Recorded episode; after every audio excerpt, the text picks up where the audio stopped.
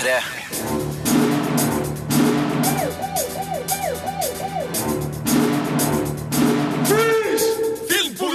What's your name, scumbag? Eh, eh, eh, Rune Håkonsen, sir. I am Gunnery Sergeant Hartman, your senior drill instructor. From now on, you will speak only when spoken to. Denne uka så slåss Brad Pitt mot store mengder zombier i World War Z. Du skal få min dom over filmen om knappe tre og et halvt minutt. Det er nemlig også ukas eneste nye premierefilm på kino, så for å gi deg noe mer å kose deg med, spesielt innen zombiesjangeren, så skal vi ta et lite dypdykk inn i arkivet. Og du skal annet få møte regissør Danny Boyle. I tillegg så er det en hel drøss faktisk med nye TV-serier som begynner denne uka her i Norge og neste uke. Og du skal få dommen over Orange is the New Black Revolution og ikke minst den amerikanske versjonen av The Bridge. I tillegg så skal vi se nærmere på ukas aktuelle DVD- og Blu-ray-filmer. Hvor sårbart er egentlig samfunnet vårt? Vil dagens samfunnsorden overleve om en kataklysmisk katastrofe utrydder brorparten av menneskeheten? Med et kaldt gufs fra orkanen Katarinas etterspill skremmer og underholder Hollywoods effektspesialister i storfilmen World War Z. Hverdagen til den tidligere FN-etterforskeren, og nå familiepappaen Gary Lane, spilt av Brad Pitt, endres brått til en kamp for å overleve når en ukjent sykdom tar over kloden på rekordtid. De som rammes, dør, men vandrer fortsatt omkring på jakt etter nye verter som kan spre sykdommen videre. Premisset for World War Z er ikke originalt. Det er jo tross alt zombier. Lignende filmer er allerede skapt flere ganger opp gjennom de siste ti årene. Men få har maktet å kombinere de intense personlige øyeblikkene med et overordnet blikk på hvordan restene etter menneskenes institusjoner møter en helt ny verdensorden. Dette er Gary Lanes fortelling. Zombiene i regissør Mark Fosters storfilm har få fellestrekk med de zombiene vi kjenner fra andre filmer. I World War C er de raske, sterke og overmenneskelige. Lyd og lys aktiverer jaktinstinktene og fører til en rekke voldsomme konfrontasjoner. Enten det er byen Jerusalems endelikt eller en personlig kamp mellom Lane og en eneste zombie. Den første halvannen timen i World War C viser hvordan verdenssamfunnet bryter sammen. Før filmen gjør et overraskende taktskifte og stiller FN-gruppa, som Lane leder, ansikt til ansikt med zombiene. Boken filmen er basert på, er skrevet av Max Brooks og forteller bruddstykker fra en over ti år lang kamp mot zombiene. Filmen følger et mye tettere tidsvindu. Lane er den røde tråden mellom de svært ulike og geografisk spredte områdene FN-etterforskeren må besøke i jakten på informasjon om utbruddet. Brad Pitt i rollen som Jerry Lane er alltid til stede. Hans ansikt og stadige nærvær i nesten alle filmens scener stopper andre elementer fra å slite den i stykker. De mange geografiske hoppene gjør at filmens bestanddeler ikke alltid spiller på lag. Musikken i World War C er anonym og uoriginal. Ja, uten en rød tråd. Filmmusikk skal ikke bare være en stemningsskaper, den skal også knytte sammen hendelser og forventninger. En slik samlende tanke kan ikke spores i musikken til Marco Beltrami i World War Z. Den mangler faktisk både identitet og et gjenkjennelig tema. Produksjonen av Brad Pitts storfilm har vært preget av mange utfordringer. Etter hovedinnspillingen var ferdig, var manuset gjennom ytterligere to omskrivninger med to forskjellige manusforfattere. Hele syv uker med ekstra opptak måtte til for å få filmen ferdig. En kostbar redningsaksjon, med andre ord. Som også har resultert i en vending mot slutten av filmen som ikke ligner resten. Filmens avslutning henger rett og slett i løse lufta og bidrar til at filmen ikke blir verken en zombieklassiker eller en sjokkerende thriller. Men de spennende øyeblikkene kommer likevel så tett at når rulleteksten starter, husker du ikke noen av dødpunktene i World War Z.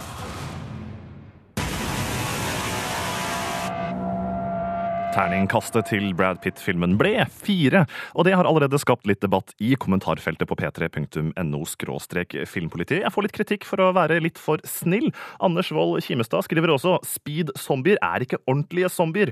Pokker ta kjøpmennene i Hollywood. De ødelegger jo hele konseptet og gjør at zombiene mister den lille interne logikken som holder hele konseptet i live. Poenget er jo at de er døde kropper.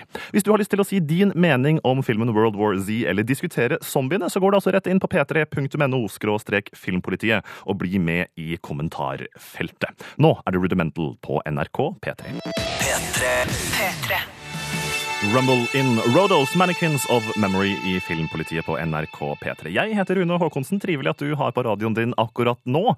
I stad hørte du Rudimental og Ella Ayer Waiting All Night. Og rett før det så var det altså min dom over ukens eneste nye kinofilm, nemlig World War Z. Du kan gå inn på p3.no skråstrek filmpolitiet for å se videoklipp fra filmen hvis du er litt sånn nysgjerrig på om du har lyst til å gå og se den. Men det er jo bare én ny film som begynner på kino denne uka, så jeg tenkte vi skulle grave litt i arkivet og gå tilbake til filmen filmen som starta den moderne skal vi si, zombie-revivalen i filmbransjen i Hollywood. Den heter 28 Days Later. Vi graver oss ned i arkivet til februar 2003. Birger Vestmo anmeldte filmen da den begynte på kino. P3. Du hører på. Du hører på. P3. Dette er P3. Jeg husker at jeg en gang dagdrømte om å være den eneste igjen i hele verden. Jeg drømte om å kjøre svinfort langs tomme landeveier, robbe alle butikker for godteri og hente det feiteste stereoanlegget i butikken. Hadde jeg sett Danny Boyles skumle film 28 dager senere, da ville jeg ha dagdrømt om noe helt annet. So who are you? wake up today in hospital. Wake up and I'm, I'm hallucinating. I've got some bad news. Jim våkner opp fra koma i ei sykehusseng i London og oppdager at byen er tom. Helt tom. Ikke et levende vesen å se. Ikke før han ramler inn i ei kirke og finner både presten og menigheten som blodtørstige vesener. Han blir redda i siste liten av to overlevende mennesker, som kan fortelle at et virus har forvandla alle til en slags zombier, og at kanskje hele verden er smitta. De plukker opp et radiosignal fra en militærpost, der en automatisk melding lover en kur mot viruset. De starter en farlig ferd mot en redning de ikke er sikre på faktisk eksisterer. Infected. Infected Utgangspunktet for denne filmen er veldig kult. Det er rått å se en gammel dagdrøm i filmatisk form, sjøl om de tomme byene ligner mer et mareritt enn en morsom drøm. Danny Boyle skaper en ekkel stemning som sitter godt. Ideen om kjappe zombier er god, og er mye mer spennende på film enn den treige, haltende Romero-utgaven. 28 dager senere har altså mye bra for seg. Derfor er det synd at filmen klapper fullstendig sammen etter ca. en time. Da tar historien nemlig en helt uforståelig venstresving, som fører den ut i ei myr av dårlige løsninger, uforståelige handlinger og råttent skuespill. Av hensyn til deg som likevel vil se filmen, skal jeg ikke avsløre hva som skjer, og hvorfor jeg mener den feiler. La meg bare si at eh, forfatter Alex Garland helt klart hadde en kul idé i utgangspunktet, men ikke greide å fullføre den. 28 dager senere blir derfor en ufullendt thriller. Den er kult filma, har noen tøffe skrekkscener og en ekkel stemning. Men historien går kraftig på trynet og ødelegger det som kunne blitt en god film. They're dead. And you're gonna be next. Birger Vestmo her i et arkivklipp fra februar 2003. Han var ikke så veldig fornøyd med 28 dager senere, da den begynte på kino. Men i ettertid så har jo filmen blitt eh, en ganske så stor kultfilm, og sett på som en av filmene som startet en ny bølge med zombietrend, rett og slett, i Hollywood, som vi ennå nå kjenner eh, etterdønningene av. Du kan eh, snart også få møte Danny Boyle her på NRK P3. Vi skal høre et lite intervju som Birger Vestmo gjorde da han møtte regissøren i 2003. Minner om at World War Er ukas eneste nye premierefilm, og hvis du har lyst til å se en annen zombiefilm i tillegg, så anbefaler jeg likevel å sjekke ut 28 dager senere på P3. Akkurat nå så er det Metallica. Det her er en låt jeg gleder meg til å spille, altså. Unforgiven 2. P3. Axwell sammen med Sebastian Ingrosso på NRK P3. Låta heter Roar. Før det fikk du Metallica og The Unforgiven 2 her i Filmpolitiet. Klokka passert halv tolv. God fredags formiddag. Vi snakker om zombiefilmer akkurat nå her på P3. Ukas eneste nye kinofilm heter World War Z, og jeg tenkte jeg skulle gi et lite tips til en DVD eller Blu-ray-film du kan følge opp med nemlig 2002s 28 dager senere. Regissert av Danny Boyle. Filmekspert og filmgeneral Birger Vestmo møtte Boyle da filmen hadde premiere, for å snakke litt om zombiefilmer. And it's like an attack, an assault on the audience, really. It's quite scary, very atmospheric, the film. And there's an idea in the film which we hope the audience take away with them in some way. It's a germ is left when the assault is over that you can take away. And it, and it appears to, although we made the film um, uh, 18 months ago, um, it has a particular relevance for now when there's such dread and worry in the West about uh, the threats to, uh, yeah, the way our civilization lives, really. Some people call this movie a zombie film, but that's not entirely correct, is it? No, we borrowed uh, from a, a, couple of genres, really a horror genre, the, the zombie films of George Romero, and also sci-fi, really, from the writings of J.G. Ballard and from the film, uh, from John Wyndham's writings, particularly the film uh, Day of the Triffids. Um, but it's not a zombie film. It's a film for everybody, really. The problem with zombie films, I think, is that they tend to exclude women, particularly, who don't have much interest in that genre. I agree with them. What's happening here? Somebody's leaving. Um, I agree with them. I'm not a, a huge fan of zombie films, personally. Um, the film is really for everybody, really. And one of the gratifying things about when we released it in the UK is that it appealed to a mainstream, a wide audience of all ages and gender. Um, so um, I wouldn't, I wouldn't want to categorise it as, as just being within the horror genre.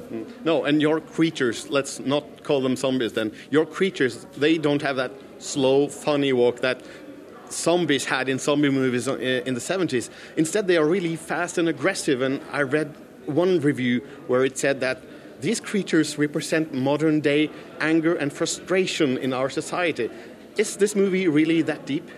Well, that's certainly one of the ideas of the infected, as they're called, is that they, if you can imagine your own experience of road rage, for instance, when you, the, as we call it, the red mist descends with frustration with your other drivers, or airplane rage, you hear about incidences of people just becoming appallingly aggressive and intolerant of, of everyone uh, around them.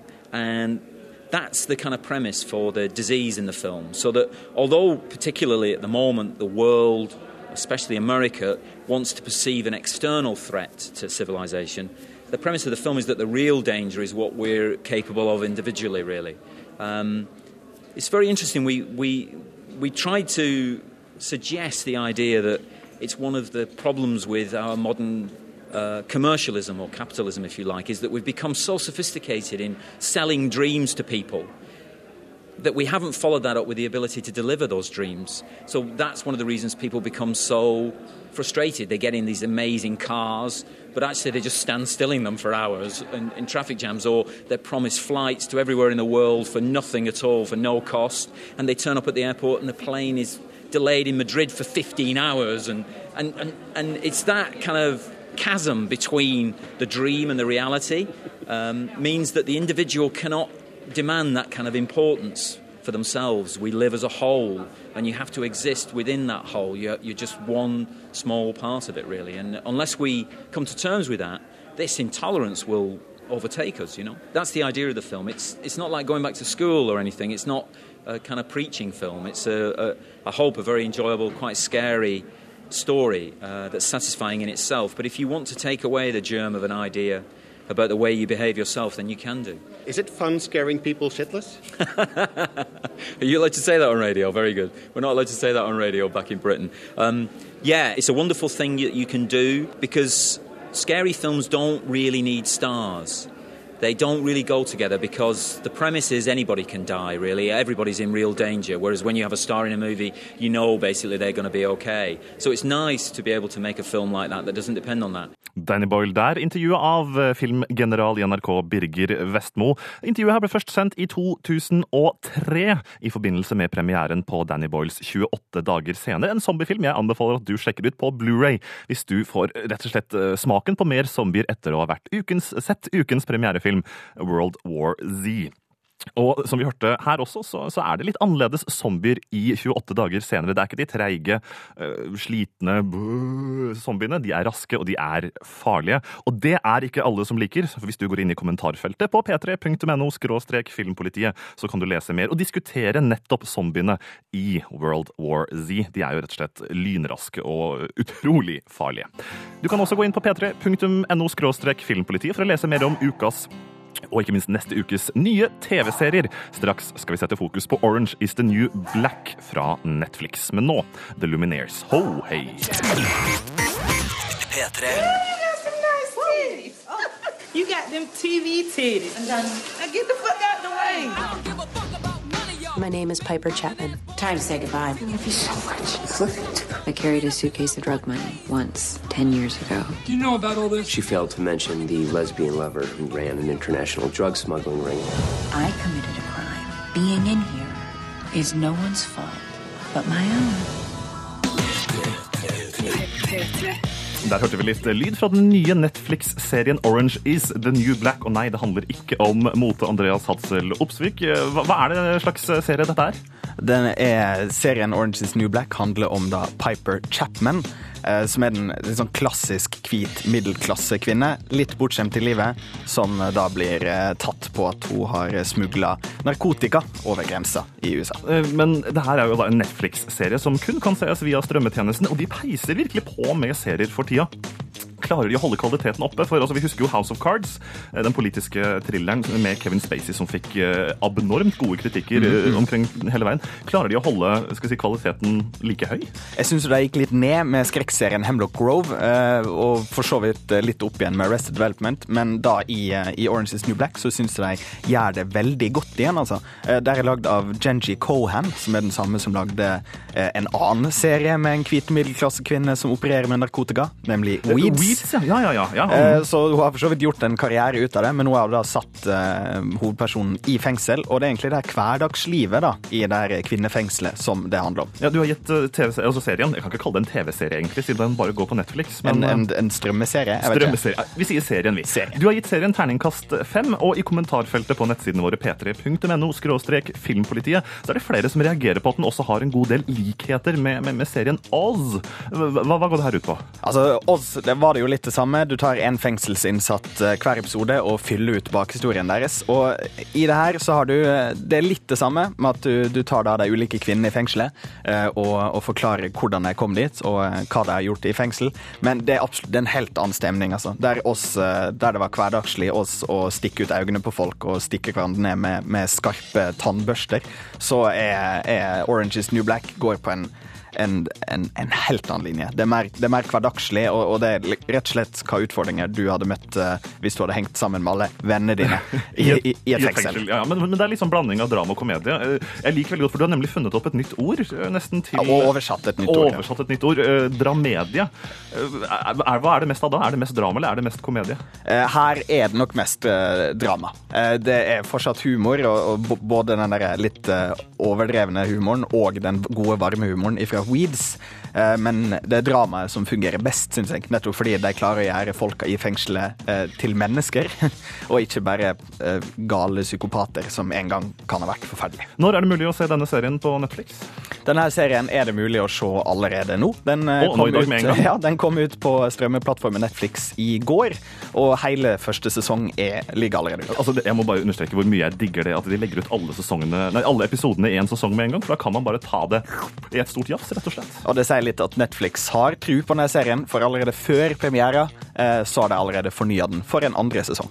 Og med terningkast fem til Orange is the New Black, så kan vi bare håpe at også neste sesong blir like bra. Serien er nå tilgjengelig på Netflix, og hvis du har sett den og har lyst til å si din mening, så går du inn på p3.no filmpolitiet, finner Andreas sin anmeldelse der, og, og deltar i kommentarfeltet, for det er allerede en god del som har vært inne og, og pekt på nettopp denne oss-koblingen, ikke sant? Ja, det er flere som, som syns det høres veldig ut som oss, og det, det interessant å se hvis eh, folk har sett flere av begge. Ja, med andre hvis du liker oss, så er i hvert fall Orange is the New Black en ting du bør sjekke ut. Takk skal du ha, Andreas Hadsel Opsvik. Her på P3 akkurat nå så er det en av de åh, fineste sangene så langt i år. Altså Håkan Hellstrøm. Det kommer aldri hva over for mig i Filmpolitiet på NRK P3. Martin Solveig og The Cataracts på NRK P3. Låta den heter Hey Now. Passe låt for å starte en god fredag. Klokka den er nemlig straks tolv, og da er det bare å telle ned timene til kvelden begynner. Hvis du er en av de som kanskje skal ta deg en liten fest i helga, men har også lyst til å se en film, så må jeg jo anbefale nemlig den DVD- og Blu-ray-ferske Spring Breaker som kom ut denne uka. Du skal høre hva Birger Vestmo mente om filmen da den begynte på kino litt tidligere i år. Og da er det blant annet Selena Gomez og en rekke andre piger som reiser til Florida for å feste, så det kan være en god oppvarming til denne fredagen. Klokka er akkurat passert tolv, og du hører på Filmpolitiet. Dette er P3. Some kids, they want to grow up be president. Some kids want to be a doctor. I just wanted to be bad. Du trodde norsk russefeiring var ille? Gjør deg klar til amerikansk vårferie. Spring Breakers starter som et rått ungdomsdrama, men tar en brå venstresving ut i mørker territorium. Manusforfatter og regissør Harmony Corinne, kjent for Kids og Gummo, bretter ut en flik av amerikansk ungdomskultur og viser vakre jenter fanga i stygge omstendigheter. Det her er grov filmpoesi som dyrker dekadensen med sex, narkotika, penger og våpen. All I know is I'm going to sit here another day. Spring break. How are we going to get enough money I don't in time? know. We're the only ones still here. Spring break. Tired. Fire venninner, spilt av Selena Gomez, Vanessa Hudgens, Ashley Benson og Rachel Corinne, drømmer om å dra på vårferie, eller spring break som det heter i USA. De vil vekk fra kjedsomhet og ensformighet.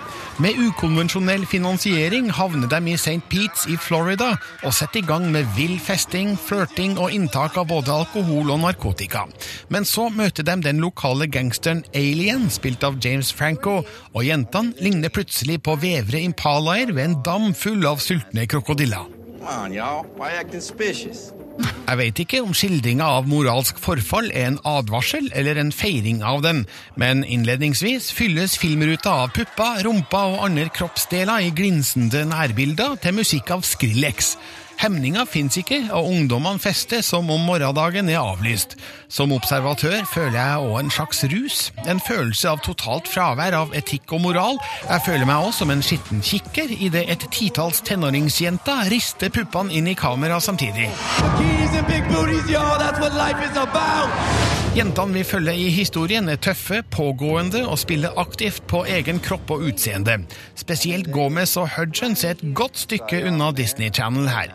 Men tonen endres når Alien entrer bildet, glimrende spilt av en nærmest ugjenkjennelig James Franco med dreads, tatoveringer, sølvtenner og store solbriller. Han tar dem med inn i en tøffere verden, der de fremstår som byttedyr. Hvilke planer har han egentlig for dem?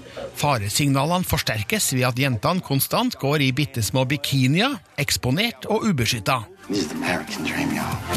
Harmony Corinne er kjent som en kontroversiell filmskaper som gjerne finner sine historier i skyggefulle deler av amerikansk samfunnsliv og ungdomskultur. Spring Breakers mangler kanskje et klart budskap. Jeg vet ikke om Corinne forsøker å si noe her, annet enn å advare foreldre om hva ungdommene deres kan finne på å gjøre når de ikke overvåkes. Men det er òg en svart skildring av hva som kan skje når ungdomsliv og the American dream krysses uten hemninger.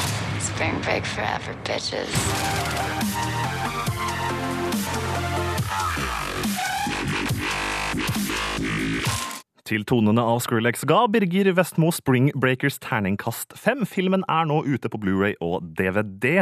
Eh, Birger nevnte jo at Harmony Corrine er en ganske kontroversiell filmskaper, og at han kanskje også forsøker å riste litt tak i establissementet i nettopp Spring Breakers. Men anmeldelsen til Birger Vestmo som kom ut av filmen hadde kinopremiere, er også kontroversiell. Han ga altså terningkast fem, men i kommentarfeltet så står det blant annet fra Eirik den verste anmeldelsen jeg har lest. Likte til og med filmen bedre enn anmeldelsen. Ja, Det var ganske skarpe ord fra Eirik der. Jonas skriver dette er en av de verste anmeldelsene jeg har lest. Man kan ikke gi denne filmen en femmer. Det er ikke en film som er verdig nok til en toer engang, så der er det tydeligvis en terningkast én fra Jonas. Men filmen den har altså delt publikum. Nå kan du den nå kan du kjøpe den på Blu-ray og se den en gang til. Her på P3. I Filmpolitiet akkurat nå, Two Chains og Wiz Khalifa. Idet klokka nærmer seg fem over tolv. We own it. Det jeg mener er årets hittil beste norske låt. Du hørte Emilie Nicolas på NRK P3. Hun covra DumDum Boys sin låt Stereo.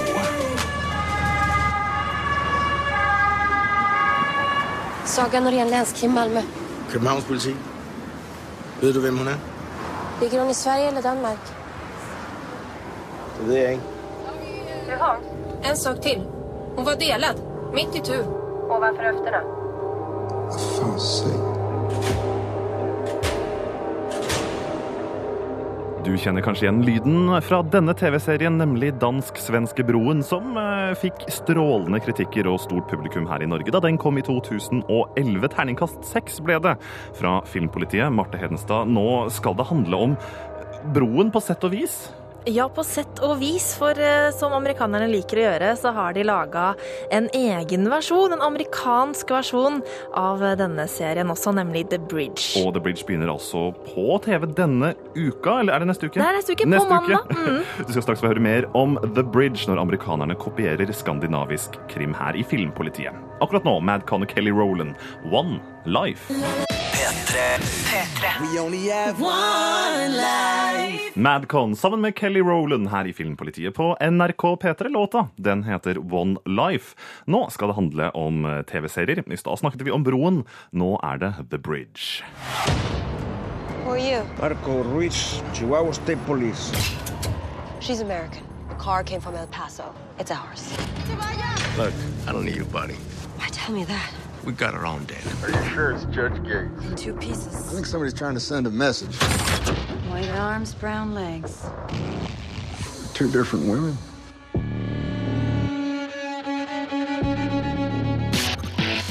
Her hørte vi litt lyd fra den amerikanske TV-serien The Bridge. En, ja, Marte Hennestad, velkommen i studio, forresten. Jo, takk for det. Du har jo sett og anmeldt eh, de første episodene av denne amerikanske nyinnspillingen av Danskebroen. Jeg vil begynne med å spørre deg, Hvor mye har de egentlig kopiert? Det høres jo ganske likt ut? Jo, det er rimelig likt. Det er altså på grensen mellom USA og Mexico. Så er det en bro. Midt på denne broen finner de et lik. Så viser det seg da at dette liket er delt i to, og det er fra to forskjellige kvinner. Så Og- prinsippet er akkurat det samme som i svensk-danske-broen. Og den, altså når den danske-svenske serien Broen gikk på TV Norge, så ble det en snakkis. Eh, Vi i Filmpolitiet berømmet serien og ga terningkast seks. Det, det, det er en helt utrolig serie, liksom. For det er mange særegenheter med Broen. Blant annet hovedrollefiguren Saga Norén, som er en ganske spesiell politikvinne. Eh, I The Bridge er det Diane Kruger som spiller hovedrollen. Det stemmer det. og... Gjør de det samme, at de skal ha litt sånn sære arketyper og personer? Ja, altså hun detektiv Sonja North, som hun heter eh, i Er det sant? Ja, hun heter Sonja. Det, Sonja North? ja, Det, det, det er jo en liten referanse til eh, tilbake til Skandinavia, det. det er absolutt det. Hun ser jo også ganske nordisk ut av utseende, men eh, hun har jo aspergers. Eh, Og eh, dette gjør jo at hun har en litt spesiell måte å relatere seg til andre personer på. Hun føler ikke empati, og hun klarer ikke helt å forstå hvorfor andre mennesker agerer som de gjør. Og jeg vet at i Broen så er dette gjort på en veldig god måte, mens Dianne Kruger i The Bridge klarer ikke å få til det her helt. Det altså, er ikke troverdig, rett og slett. Nei, og det tror jeg har litt med at manusforfatterne har vært livredde for at det amerikanske publikummet eh, ikke skal få med seg at, eh, at hun er litt annerledes. For det er ingen som sier eh, at hun har aspergers, men dette må vi jo selvfølgelig forstå selv. Eh, og det er gjort på en ekstremt overtydelig måte. Eh, det kastes i ansiktet vårt hele tiden eh, ved f.eks. episoder som at eh, hun nekter å slippe en sykebil med en mann med hjerteinfarkt i forbi fordi at det kan ødelegge åstedet. At hun eh, Og denne, denne scenen er jo da også i Broen å finne. Ja, men, det er gjort på en måte som altså, Måten hun spiller på, det er en Krüger, er det er overspilling, jeg føler i hvert fall jeg. Eh, og også flere ganger når sjefen hennes sånn sier til henne at eh, nå må du huske å se personen i øynene når du skal snakke med dem, da. Aha. Fordi at eh, ellers så kan du virke litt fjern, vet du. Når, når jeg så, eller Da jeg så Broen for første gang, den dansk-svenske serien, så, så brukte jeg faktisk en to, tre, fire episoder på å forstå hvem denne Saga Norén er, og hvor, Mm. hvorfor hun oppfører seg som hun gjør.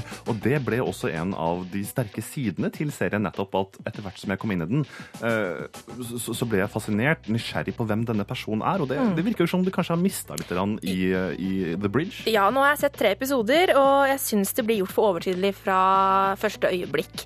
Um, så det er en ganske stor svakhet. Men eh, så har også The Bridge en del ting som jeg syns er veldig, veldig interessant. Som f.eks. at uh, serien har jo mye mer å spille på med tanke på forskjellene mellom eh, Altså det, det er grensen mellom Mexico og USA.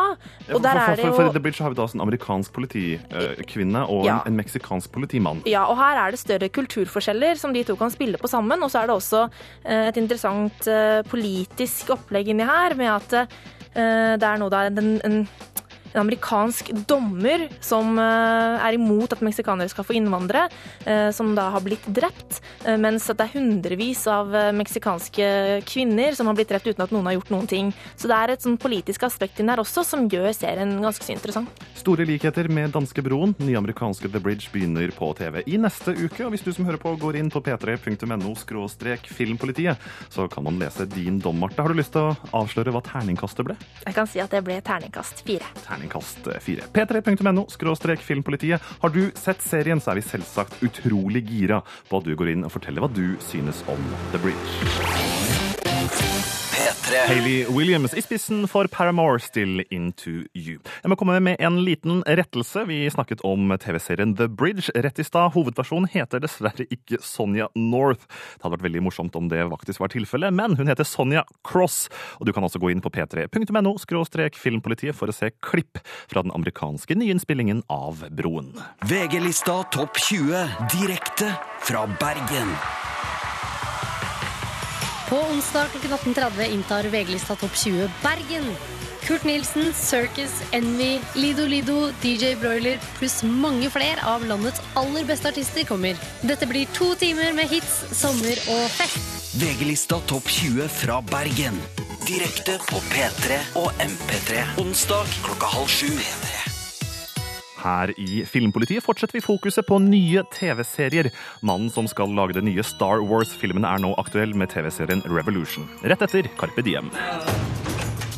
What is going on? We don't have much time. Benjamin, what's up? Where have you been? It's all gonna turn off. What? It's gonna turn off and it will never, ever turn back on. What's gonna turn off? What are you talking about? Did I lose you?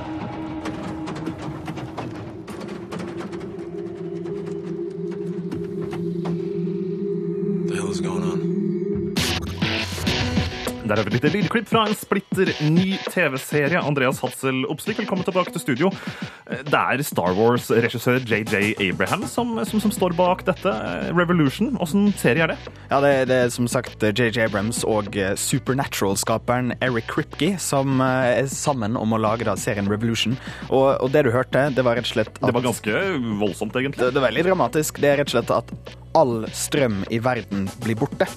Elektrisitet. Og det er det som er grunnpremisset da i denne serien. Revolution eh, går da selvsagt på at eh, verden eh, går under, slik vi kjenner den. Og USA, som da denne serien foregår i, ender opp med å bli et slags sånn føydalsamfunn.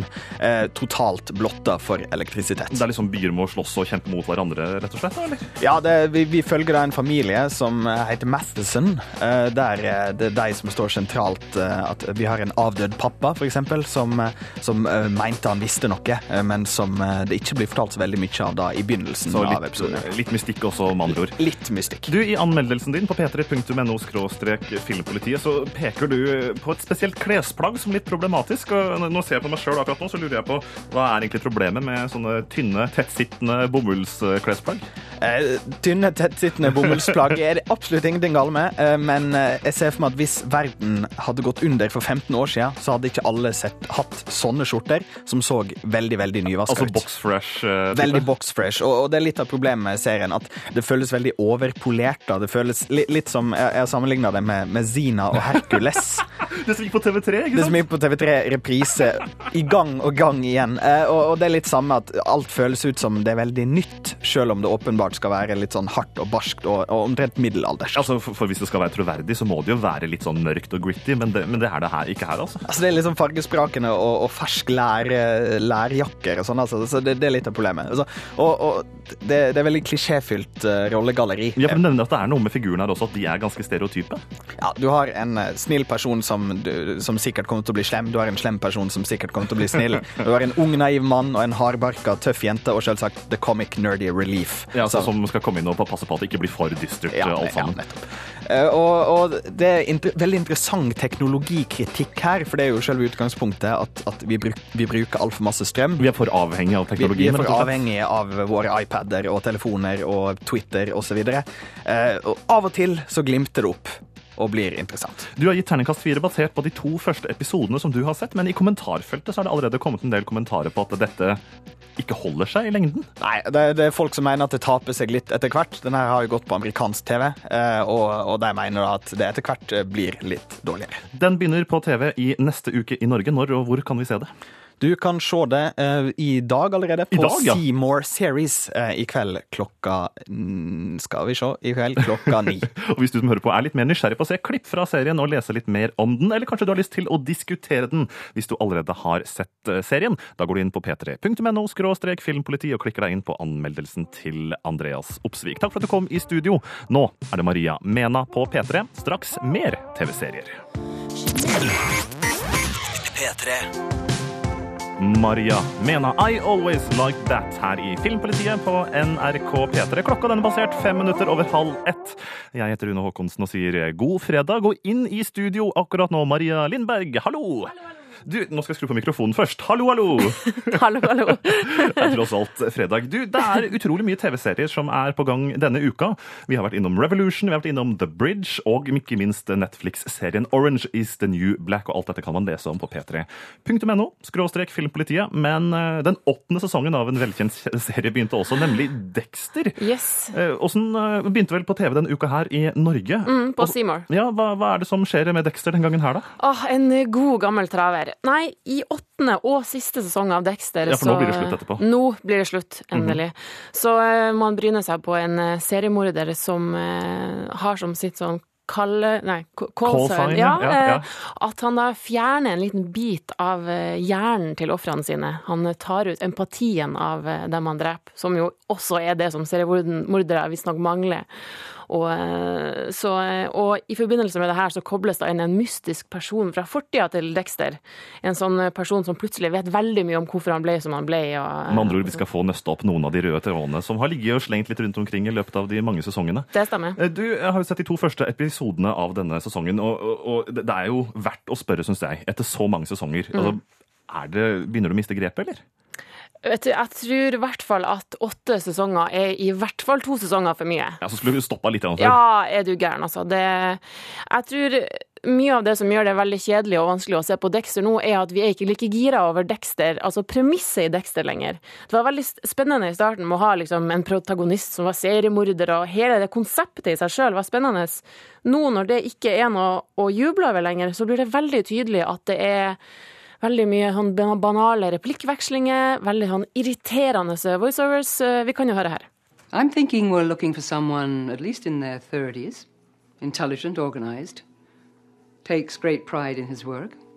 I think he'd enjoy the fact that we're talking about him right now. You think there will be more? I'd be surprised if they're not. I hear the FBI calls her the psychopath, the whisperer.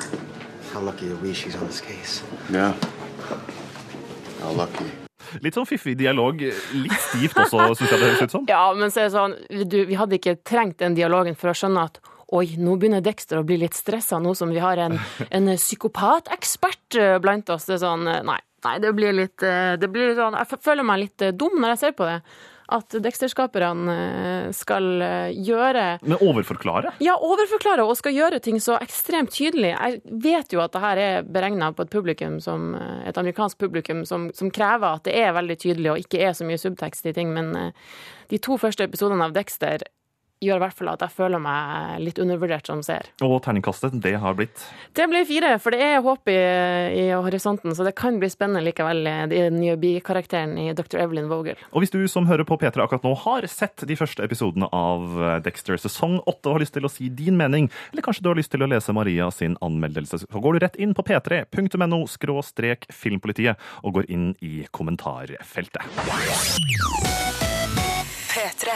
Le på NRK P3. Sangen heter Continuum. Klokka nærmer seg ti på ett, og det betyr at Filmpolitiet er snart ferdig. Men vi startet jo hele dagens kalas med å anmelde World War Z, ukas eneste nye premierefilm på kino. Brad Pitt i hovedrollen der. Jeg ga den terningkast fire. Men hvis du går på kino da, og så ser du World War Z og tenker jeg har lyst på noe mer zombie, så kan du bare vente til neste uke, for da kommer nemlig zombiekomedien Warm Bodies ut på Blu-ray og DVD.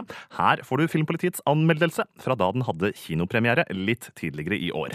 What am I doing with my life? I just want to connect. Why can't I connect with people? All right. It's because I'm dead. Med kjærlighetens kraft kan zombier vekkes til live igjen. Det er prinsippet for Warm Bodies. Filmen handler om en zombie som forelsker seg i middagen. En postapokalyptisk Romeo og Julie-historie, med andre ord. How'd you die? How old are you? Because you could be 20 something, but you could also be a teenager. You know, you have one of those faces. Nicholas Holt, kjent fra About a Boy, spiller en zombie som strever med å holde på det lille han har igjen av menneskelighet. Det eneste han husker fra sitt tidligere liv, er at navnet hans begynte på R. Og R bruker dagene på å subbe rundt på flyplassen der han holder til, og gå på jakt etter fersk menneskehjerne. En dag ute på middagstokt kommer han og en gjeng med andre sultne zombier over Julie og vennene hennes som leter etter proviant og ressurser.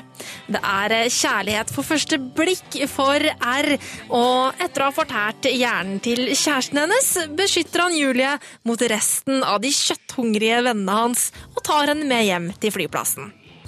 Et forhold utvikler seg mellom de to, og dette skal få konsekvenser for den livløse verdenen de befinner seg i. Kan kjærlighet få et råttent zombiehjerte til å banke igjen? I don't understand, but he's changing, and he feels, and he's learning to be human again. For meg vil zombier alltid være hjernedøde monstre som kun lever for å spise folk. Og derfor sleit jeg veldig med å godta prinsippet for denne filmen. Tross det merkelige utgangspunktet for rollefiguren hans, har jeg likevel sansen for Niklas Holt. Det kan ikke være lett å være sjarmerende som en zombie, men Holt får det altså til. Og sammen med Teresa Palmer, som spiller Julie, og Annelie Tipton, som spiller venninnen hennes Nora, klarer han etter hvert å få meg til å trekke på smilebåndet. Say something human. Nailed it. I de morsomme øyeblikkene Warm Bodies er på sitt beste. Da er den vittig, søt og sjarmerende. Men når budskapet om at kjærligheten overvinner alt, blir for sterkt, faller jeg av. Jeg hadde hatt lettere for å godta filmen om den hadde befunnet seg i en annen sjanger. Hadde dette f.eks. vært en parodifilm på linje med Shaun of the Dead, så hadde jeg slukt zombiekjærligheten rått. Men selv om det er humor i Warm Bodies, er det tydelig at dette skal være en seriøs film, ikke en parodi, og derfor kjøper jeg ikke historien. Når det er sagt, så er jeg sikker på at et yngre publikum som ikke har like stor kjennskap til zombiesjangeren, vil like filmen godt. Nicholas Holt er en kjekk zombie, om det er mulig, som nok kommer til å smelte mange pikehjerter, bare ikke mitt. Dead. It's too much. Marte Hedenstad var ikke så veldig fornøyd med Warm Bodies. Filmen kommer ut på Blu-ray og DVD i neste uke. Hvis du har sett filmen og er uenig med Marte, så går du inn på p3.no skråstrek filmpoliti og legger inn dine kommentarer under anmeldelsen. Nå så er det Foles på P3. P3. Jeg heter Rune Håkonsen og takker for følget i dag. Hvis du har lyst til å lese mer om filmene og TV-seriene vi har snakket om i dagens sending, så går du inn på p3.no skråstrek filmpolitiet, og så kan du selvsagt laste ned podkasten da, vet du. Da går du bare inn på nrk.no og finner podkastsidene våre. Fram mot nyhetene Kid Astray på NRK P3. Dette er The Best of Us. Hør flere podkaster på nrk.no podkast.